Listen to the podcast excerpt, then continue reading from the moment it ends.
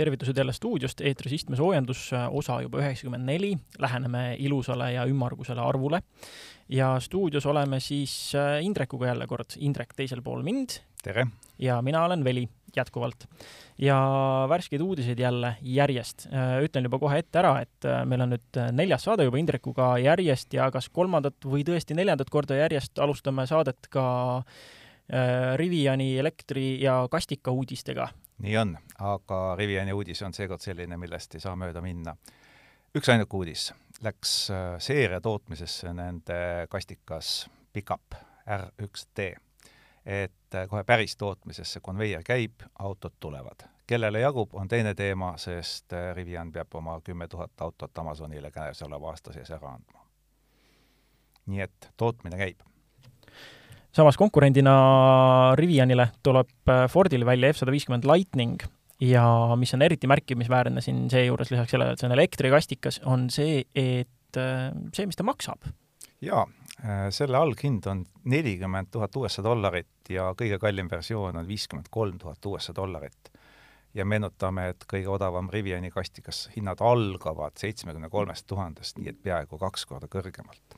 no ja siin hakatakse ju mängima veel, on ju, veoskeemide ja kõigi asjadega, et äh, jaa, veoskeemid äh, alguses on loomulikult kahe mootoriga nelikveolised, aga Ford sahistab, et on tulemas ka tagaveoline ja see on veel odavam.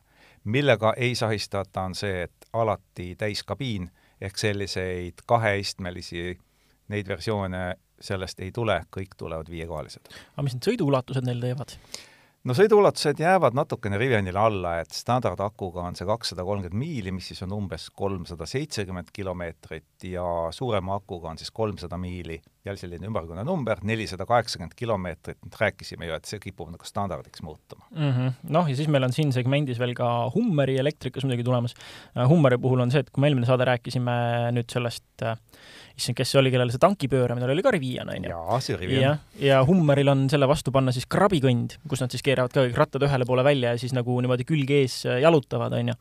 et, äh, et nemad peaksid tulema kaks tuhat kakskümmend kaks, aga mitte enne Fordi tõenäoliselt jaa, et kuna Ford tuleb ka ilmselt välja oma kastikaga kaks tuhat kakskümmend kaks kevad-suvel, siis see tähendab, et Rivianil on põhimõtteliselt kolmveerand aastat edumaad põhimõtteliselt huvitav teema küll selle koha pealt, et äh, nii palju elektrikastikaid tulemas, et äh, noh, elektrilisi linnamaastureid juba on, et nüüd üritatakse kähku nagu kastikate peale üle minna. Ameerika elustiili juurde see kuulub paratamatult, nii et siin ei ole mitte midagi imestada, ootame, millal nad Euroopasse tulevad ja kuidas nad Euroopas müüma hakkavad. Ameerika elektriautodest rääkides muidugi tuleb äh, peamiselt pähe üks suur hiid, aga üha enam on nende kõrval kuulda ka sellest äh, teisest, Lucid Air, kes äh, vahepeal olid juba päris pikalt äh, oma tegemistega niimoodi vaikselt, vaikselt toimetanud, aga nüüd nad on jälle siin avalikus pildis oma mudeliga, mille täispikaks nimeks on Lucid Air Dream Edition Range ja nad said täitsa ühe rekordi.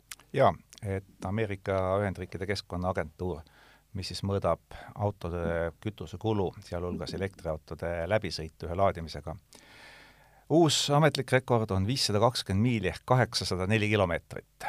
Ja selle vastu praegusel hetkel kellelgi midagi panna ei ole, see on ametlik, mõõdetud, sertifitseeritud, mitte lubadus. see auto maksab ainult sada kuuskümmend üheksa tuhat dollarit ja arendab ainult üheksasada kolmkümmend kolm hõbujõudu. noh, Teslal on siia vastu panna muidugi noh, võimsuse mõttes äh, nii mõnigi masin, esimesena tuleb muidugi pähe Model S Plaid, mis ju alles hiljuti püstitas Nürburgringil äh, seeria tootmises äh, elektriautode rekordi aga sõiduulatused seal jah, veel, veel ligi ei saa sellele, mis Lucid Air äh, maha märkis. et Teslal on siin niisugune seitsmesaja kildi kanti need äh, sõiduulatused. jah, et nende rekord on Tesla Model S long range'i käes. aga huvitav fakt, et äh, selle edetabeli tipust, mille armastame rääkida, me ei, ei ole öelnud, kes lõpetab selle, ehk kes suudab ühe laadimisega kõige vähem sõita ametlikult hetkel toodetavatest autodest ja see auhind läheb Jaapanisse firmale Mazda MX kolmkümmend. aga mis siis tema see sõiduulatus äh, on, sest et äh, ei saa ju olla, mind näiteks üllatas, et Honda E-l on näiteks oma hinnaklassi arvestades ikkagi päris väike sõiduulatus, on ju. ametlikult äh, täpselt sada miili ehk sada kuuskümmend kilomeetrit. ja, ja, ja, ja okei okay,, siis on tõesti isegi, isegi Honda E-l rohkem, tal oli niisugune ametlik kahesaja kanti, aga jah, reaalne ka sinna alla selle ikkagi aga Teslat juba mainisime, ka neil ikkagi on uudised, et ei lohise nad nüüd ainult siin Riviani ja Lucid Airi sabas, vaid nad on tulemas järjest äh, soodsamasse turusegmenti ja viimase nädala jooksul on olnud näha sellist äh, eeldatavasti kakskümmend viis tuhat dollarit maksvat äh, B-segmendi luukpära. sellest ei ole muud teada kui ainult väikeste spioonifotode vahel, väikesed renderdused otse joonistatud. Väidetavalt on see auto, mis tuleb kindlasti Hiina turule, võib-olla Euroopa turule, Ameerika turul ta ilmselt populaarseks ei saaks, liiga väike, aga kus suitsu seal tuld, nii et et äh, need renderdused näitavad küll, et tegemist võib olla Euroopas väga hästi kaubaks mineva sõidukiga. ja Volkswagen ju tahab ka seda odavamate elektrisõidukite turgu rünnata, mul nüüd kohe mälust ei tule, mis selle nimi oli, aga ju esind-, esitleti äh, Münchenis ka niisugust kahekümne tuhande euro kanti jääva hinnaga väikest äh, elektrikat. just täpselt, ja Volkswagenil on plaanis veel teinegi, et üks tõepoolest selline kakskümmend tuhat eurot, kakskümmend viis tuhat dollarit hinnavahemikku aga need, kes Passatist loobuda kuidagi ei saa, aga tulevikus peavad, nende jaoks on Volkswagen mõelnud ja praegusel hetkel on jälle spioonifotod ringlemas autodest, mis meenutavad väliselt, noh, raske öelda, on ta Passat, on ta sedaankerega Honda Civic, midagi analoogilist, aga igatahes suurte sedaanide austajatele, eurooplaste mõistes suurte muidugi, on Volkswagenil täiesti auto tulemas aga tõmbame nüüd vahelduseks juhtme seinast ja ärme räägi elektrist enam, äh, võtame ette ka vesiniku. jaa, et mõnel firmal läheb nii hästi, et juht käib lusti sõitmas lihtsalt see on jah, ähm, õnneks selline tore fenomen, et mis, mis juhtub autotootjaga siis, kui äh, Äh, seda juhib mitte kalkulaatori usku inimene, vaid ikkagi paadunud autoentusiast. ja noh, jutt käib loomulikult Toyotast ja Akio Toyotast, et äh, see on siin avalik saladus olnud pikemat aega juba, et ta käib varjunime all võidu sõitmas, aga nüüd ta täitsa avalikult kohe võtab ette ja võtabki Corolla võidusõiduauto, mis on siis mitte vesinikelemendiga auto, vaid vesinikku põletava sisepõlemismootoriga auto ja sellele on äh, peale pandud siis GR-Yaariselt tuttav kolmepütine ühe koma kuue liitrine turboga mootor ja siis äh, Mirai äh, need siis kõrgsurve, need ühesõnaga vesinikupaagid. Ja sellega läheb võistlema Suzuka rajal kahekümne nelja tunnise, kahekümne nelja tunni kestvussõidule. et iseenesest täiesti nagu väga tore asi, et kuidas, kuidas sa muud moodi või paremini testid uut tehnoloogiat, kui seda mootorispordis proovile pannes, on ju ja et kui meenutada diiselmootori läbimurret, kui Audi Le Mani kahekümne nelja tunni sõidus võttis üksteise järel auhindu lihtsalt tänu sellele, et diiselmootorile ei olnud teised, teistel ei olnud midagi vastu panna. Need olid ajad enne diiselgate'i. ilmselt siis vesiniku puhul on midagi sarnast oodata jah, loota võib, noh, selle Audiga muidugi mul selles mõttes natukene selle koha pealt teisel arvamusel, et nemad selle diiselmootori asjaga, nad võtsid ikka jõuliselt selle ette puhtalt nagu turundusliku äh, ülesandena, et hakatagi rohkem diiselmootoreid ka kommertskasutusse müüma. et äh, noh, enam kui kindel on see, et kui nad oleksid sama ressursi suunanud äh, bensiinimootoriga prototüübi arendusse, siis äh, noh, ma ei kahtle, et nad oleksid samamoodi sellise tulemuse saavutanud, aga neil oli väga tähtis see, et ikkagi näidata, et diisel on ka konkurentsivõimeline, aga noh, eks seal oli ikkagi selle mootoriga seonduvaid äh, selles mõttes muresid, et ikkagi raskem kõvasti, ikkagi hakkas pöördemoment kõrgematel pööretel ära kukkuma, rääkimata sellest, et noh, äh, ega sa kõr-, pöördeid diislil niimoodi väga-väga kõrgele ei saagi ajada, on ju, et noh, ma, ma jään seisukohale, et nad oleksid ka bensiinimootoriga ühtviisi kenasti hakkama saanud, aga fakt on see, et asja nad ära tegid ja ma väga loodan, et Toyota teeb oma vesiniku sisepõlemismootoriga ka asja ära. saame näha. ja teine vesiniku uudis on, puudutab nüüd Nicolaad, et mõned saated tagasi, kui äh, kuulajatele meenub, oli juttu äh, gravitatsioonil töötavast veokist, ehk siis Nikola turundusharjutus, kus äh, väidetavalt siis nende vesinikelemendiga elektriveok täitsa sõitis, ei ole mingisugune mm, ütleme siis äh, Pot-, Potjomkini maja või äh, mingisugune jurakas, mis lihtsalt äh, turunduslikel aspektidel kokku on laotud, noh, täpselt nii ta tegelikult oli, et oma proovisõidul liikus ta gravitatsiooni jõul kergest kallakust alla. Ja noh, ja nii oligi, aga nüüd tundub, et et äh, nad üritavad ikkagi endale või noh, on juba välja rääkinud teise võimaluse ja teevad koostööd Ivecoga. jah, et äh, tavaliselt teist võimalust ei anta, aga seekord tundub, et antakse ja Nikolai Iveco on siis kokku leppinud, et nad hakkavad ühiselt autosid tootma ja toodavad sellises toredas linnakeses, nagu nimi on Ulm, et oled sa, Veli, kuulnud sellest linnast? ei olnud kusjuures. selles linnas asub maailma kõrgim kirik ja see on äh, luteri kirik, järgmised kaks on katoliku kirikud. See on sada kuuskümmend üks koma viis meetrit kõrge ja seda ehitati pisut üle viie aasta, viiesaja aasta, vabandust. aga kirik kirikuks, et äh, nad on saanud sinna pih-, noh, ütleme niimoodi, et seadnud valmis sellise koostööliini, seda ei saa tehaseks päris nimetada, final assembly, nagu nad ise ütlevad, tuhat autot lubavad aastas toota, aga ikkagi Iveco kaubamärk on seal taga ja ilmselt siis äh, tõenäoliselt äh, on sealt oodata ka päris autot no,. ja esimene esimene... klientki on ja, olemas, just, et Hamburgi sadam lubas kakskümmend viis tükki ära osta järgmisel aastal see on ju ainult äh, hea samm, ükskõik et niisugune tilluke. jaa, et see, et Amazon Rivianilt on lubanud sada tuhat autot osta, noh, on natuke suurem number, aga alustama ju kusagilt peab. Ja kui rääkida alustamisest, siis äh, päris paljudel inimestel vist esimese uue, uue auto ostmine algab ikkagi Daciast ja selle nädala proovisõiduauto on Dacia Sandero ja Stepway, millega siis tegelikult nüüd äh, on jälle nii, et äh, mina küsin Indrekult küsimusi laias laastus. ja alustan sellest, et äh, loen ette mõned tähtsad jõu- ja ilunumbrid. Hinnad algavad kusagil kahe, kaheteist tuhande kahesaja euro juurest, lähevad välja peaaegu viieteistkümne tuhandeni ja sellele pakutakse kahte mootorit, on üheksakümne hobujõuline kolmesilindriline bensiin ja on saja hobujõuline bensiin või LPG. ja auto pikkus on törts üle nelja meetri, nelja koma üks enamasti tulevad nad äh, kuuekäigulise käsikastiga, aga kõige kallimale saab ka variaatorkasti. Ja pakiruumi äh, tervenisti nelisada kümme liitrit. Äh, meenutan, et eelmise saate proovisõiduauto Jaguar F-Type, mis ei ole mingisugune mahtuvuse etalon, sellel siis oli näiteks viissada üheksa liitrit aga kui ma nüüd noh, Dacia koha pealt, saatest on palju läbi käinud küll ja üldine mm, konsensus on olnud, et ta on täpselt see auto, mida ta lubab. kõigepealt küsiks ma siis seda, et mida Sandero lubab? Sandero lubab äh, ennekõike sulle väga mõistlikku hinna eest edasiliikumist uue autoga ja seda ta kahtlemata pakub. ja teiseks ta lubab inimestele, kes tahavad tunda, et nad on teinud mingisuguse hea valiku, sest ka teised inimesed on selle valiku teinud käesoleva aasta B-segmendi ehk siis väikeautode klassis Euroopa müüginumbrid äh, Sandero on olnud kogu aeg esikümnes. Euro-, e, see on Euroopas, Eestis äh, Dacia müüginumbrites on siiamaani suurem maastur olnud kogu aeg ees, meil on ta olnud teisel kohal.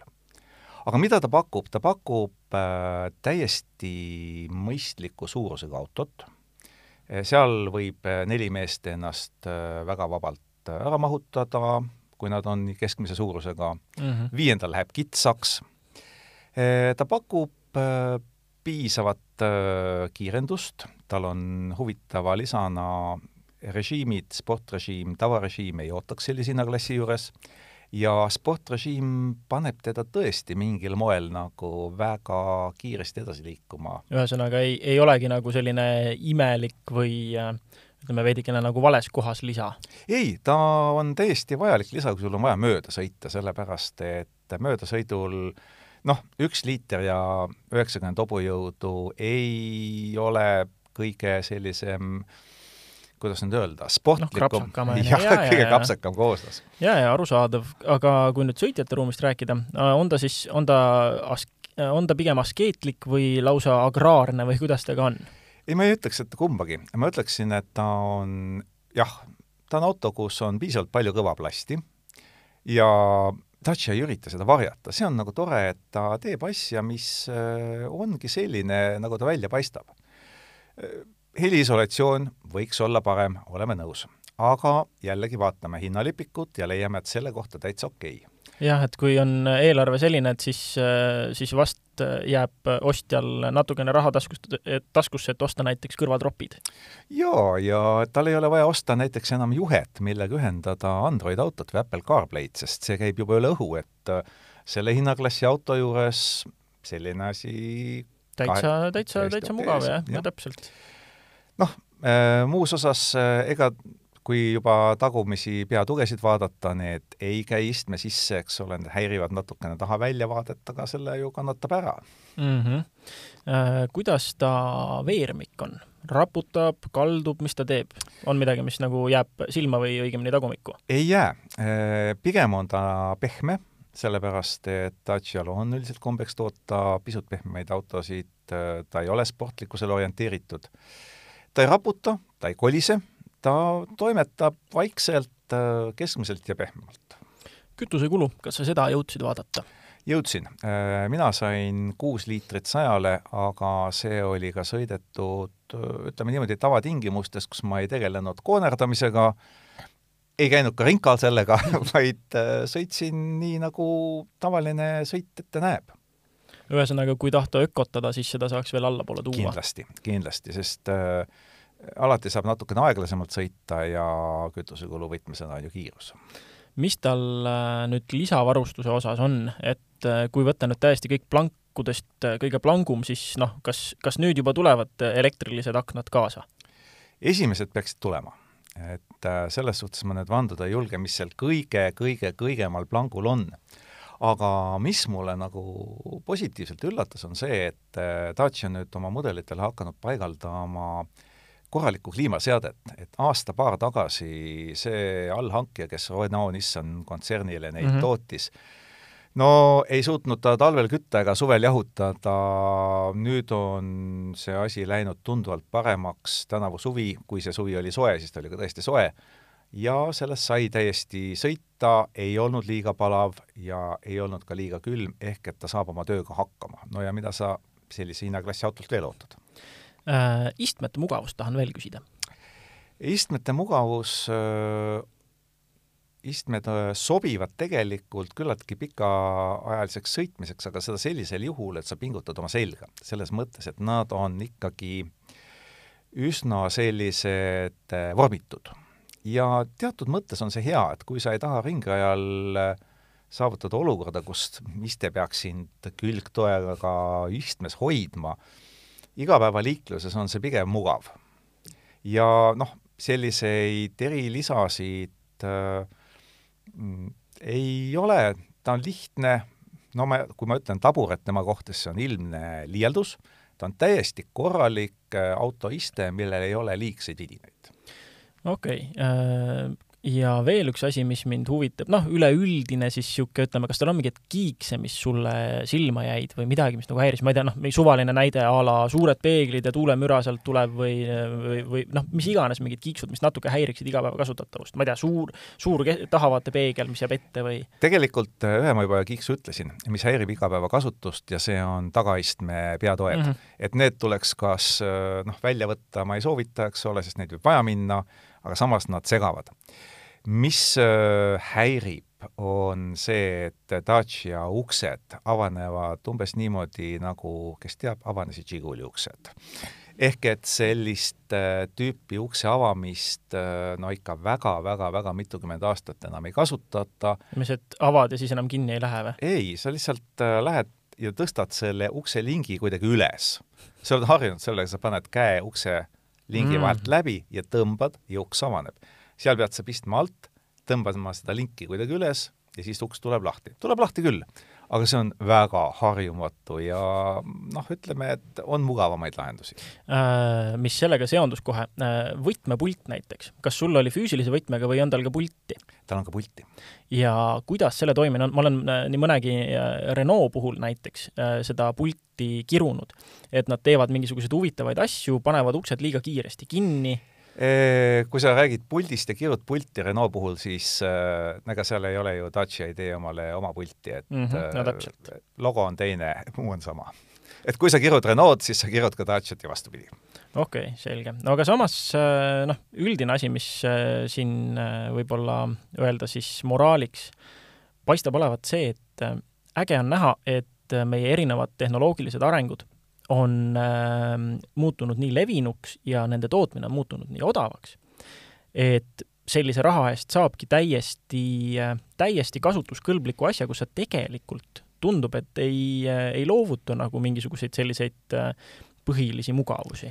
Jah, et äh, tegelikult mis mulle väga meeldib, on see, et äh, uuel Dacial on nüüd ka LED-tuled, täis-LED-id, mitte ainult gabariidituled, ja need valgustavad juba teed täiesti hästi, et äh, kui rääkida üldse sellest, mis on autotööstuses viimasel ajal nagu tuntavalt või nähtavalt muutunud paremaks, siis see on tuled ja ja Dacia väljanägemine on muutunud väga kenaks, et kui Sanderot vaadata, siis ei ütleks, et tegemist on odava autoga, et disain äh, ületab oluliselt sisu või seda, mida selle hinna eest pakutakse. jah, täiesti nõus, ma olen ise sama vaadanud, et nad on tõesti tulnud selles mõttes nüüd juba tänapäeva ja ei ole seal midagi sellist häirivat enam. et äh, jällegi tundub, et Dacia liigub selles suunas, kuhu ütleme noh, viis-kuus aastat tagasi äh, olid juba liikunud Kiia ja Hyundai, mida ju, kui me vaatame noh, kümne aasta tagust aega, siis kus neid kiruti ja tehti nalja nende üle ja ei olnud need mingid autod ja noh, veel mõni aasta tagasi oli Dacia, on ju, samas äh, paadis. aga nüüd tundub, et ka Dacia hakkab äh, ikkagi noh, asi, asi läheb tõsiseks no ega ta ei hakka kunagi ilmselt konkureerima tippmudelitega, mis on selles kontsernis noh, ennekõike Renault'le loovutatud, aga oma rolli selleks, et odav auto saaks hästi hakkama, sellega sa, selle töö ta teeb ära. ja see ongi kõige tähtsam, sest talt ei oodata tippmudeli luksust kunagi. liigume nüüd aga nädala proovisõidult otse uude rubriiki, mis pärineb Indreku sulest ja kannab äh, nime Nädala number. ja noh, see on täiesti äh, enesestmõistetav. jah, et selle nädala number on ilus äh, ümmargune, selleks on sada ja selle saja taga on veel miljon. nii et sada miljonit on selle nädala number. aga enne, kui me selle numbri juurde läheme, mul on sulle Veli küsimus, et kas automaks tuleb? Hea küsimus. no ma arvan, et sellest lõppkokkuvõttes ikkagi üle ega ümber ei saa, eriti nüüd aega, noh, vaadates praegust aega, kus üritatakse muudkui suruda inimesi sinna äh, ütleme siis ähm, nullheitme suunas. ma olen suhteliselt kindel, et mingil, mingil, äh, mingis vormis see ikkagi tuleb. et lihtsalt meile on, tundub, et tuleb ja me peame valima ainult selle vahel, et kas ühekordne registreerimisel või siis iga-aastane makse, et kas sul on selline mulje jäänud? noh, jaa, ega siin muid variante vist väga ei ole ka ju. ega vist. aga meil on Eestis olemas selline tore think tank või mõttekoda nagu Arenguseire Keskus, ja nemad ülitasid äh, eelmisel nädalal sellise lühiraporti nagu Keskkonnahoidu mõjutavad maksud Eestis kaks tuhat kakskümmend üks. ja hästi lühidalt siis öeldes, äh, mis oli nende sõnum? Nendel esiteks see, et transpordi maksustamine Eestis jääb Euroopa keskmisele üksteist korda alla.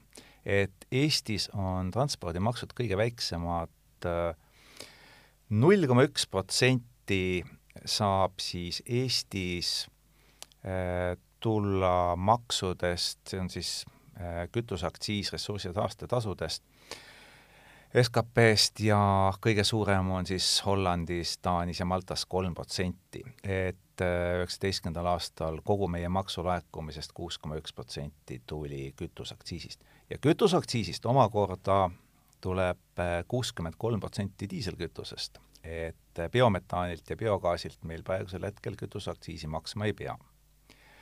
aga milles siis probleem on, et noh, tore on, et äh, maksud tulevad ja miks mitte kevadel noh, nii kui oleme siin lihtsalt hõlpsalt läbi saanud, on ju, null koma ühe protsendiga. jaa, et kevadel avaldati siis prognoose, et aastaks kaks tuhat kolmkümmend väheneb bensiini- ja diiselkütuse aastane aktsiisilaekumine riigieelarvesse saja miljoni euro võrra. vot selle... siin on meie nädala number. siin on meie nädala number, sada miljonit. Kas see on probleem? no kui see nüüd äh, panna noh, see on, see on selles mõttes probleem, et see on nii suur arv, et sellega saab inimesi hirmutada juba.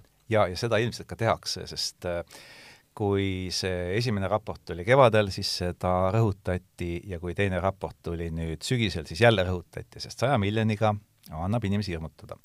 aga paneme selle numbri konteksti, et eelmisel aastal laekus kütuseaktsiisi viissada seitse miljonit ehk täpselt pool miljardit peaaegu, ehk viis korda rohkem.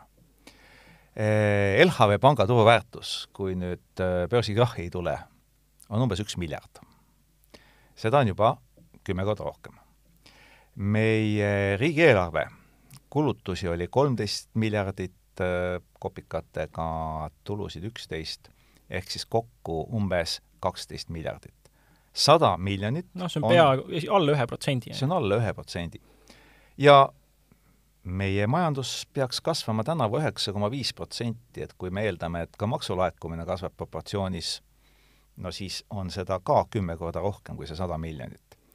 ja mis tähtsaim, kui me hakkame diiselkütuse aktsiisi tõstma, nagu on ähvardatud ja nagu täna valitsus lubas, et võib-olla ikka ei tõsta, siis sellega kaotaks riik kakssada miljonit eurot kohe, mitte sada miljonit kümne aasta pärast.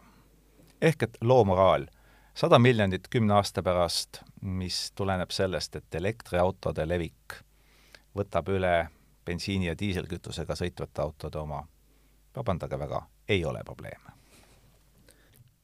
no vot, kui saja miljoniga pole mõtet hirmutada, siis ma omalt poolt võtan hoopis äh, ette ja hirmutan sellega, et meil on kas järgmises või ülejärgmises saates tulekul üks tundmatu saatekülaline. olge hirmutatud ja järgmise korrani, aitäh! Kuulmiseni!